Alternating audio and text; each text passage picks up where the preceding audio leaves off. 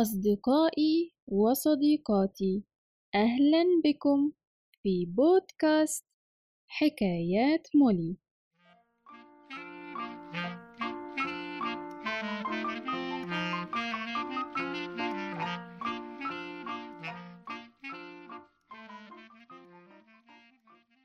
حكايتنا النهاردة بعنوان أشتاق إلى بابا. كتبتها عبير بلان. بابا يتأخر كثيرا في العمل وأنا أشتاق إليه كثيرا. أشتاق إليه عندما أركل كرتي ولا يكون بجانبي ليردها إلي. أشتاق إلى بابا عندما أملأ شاحنتي بالرمل ولا يكون معي لنعمر قصرا من رمل. أشتاق إليه عندما أتناول العشاء ولا يكون معي لأخبره ما حدث معي في المدرسة. أشتاق إلى بابا عندما أتمدد في فراشي ولا يكون بجانبي ليقرأ لي قصة اليوم سأكلمه بالهاتف. بابا يجب أن تحضر حالا. لقد أحضرت لك حلوى شهية. سآتي يا حبيبي حينما أنتهي من العمل. بعد قليل أتصل به ثانية. بابا يجب أن تحضر حالا.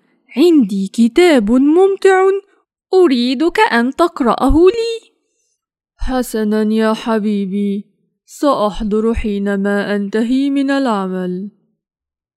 بعد حين أتصل مرة ثالثة.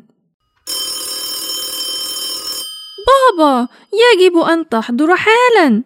سيقفلون بوابة مبنى عملك ولن تستطيع الخروج من المبنى.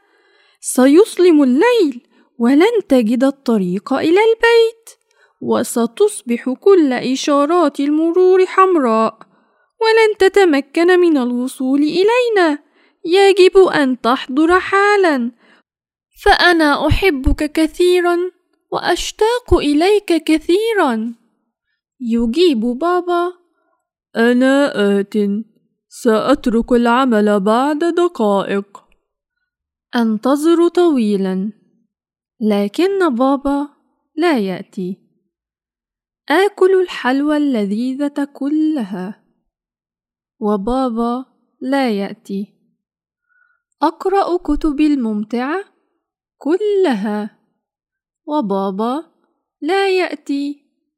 أعد النجوم كلها. وبابا لا يأتي. وفجأة تخطر لي فكرة.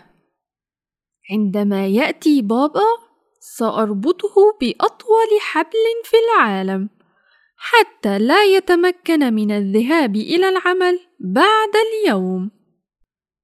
ثم أرسم خطتي على ورقة كبيرة وأبقى أرسم إلى أن أنعس كثيرا. وكل ما أشعر به بعدها هو بابا. يقبلني ويحملني إلى فراشي ثم أسمعه يهمس في أذني. أعدك بأني سأحضر باكرا غدا فأنا أيضا أحبك كثيرا وأشتاق إليك كثيرا. تصبح على خير يا زين. وبكده حبايبي الحلوين نكون وصلنا لنهاية حكايتنا النهاردة. ونقول توتة توتة خلصت الحدودة حلوة ولا مردودة؟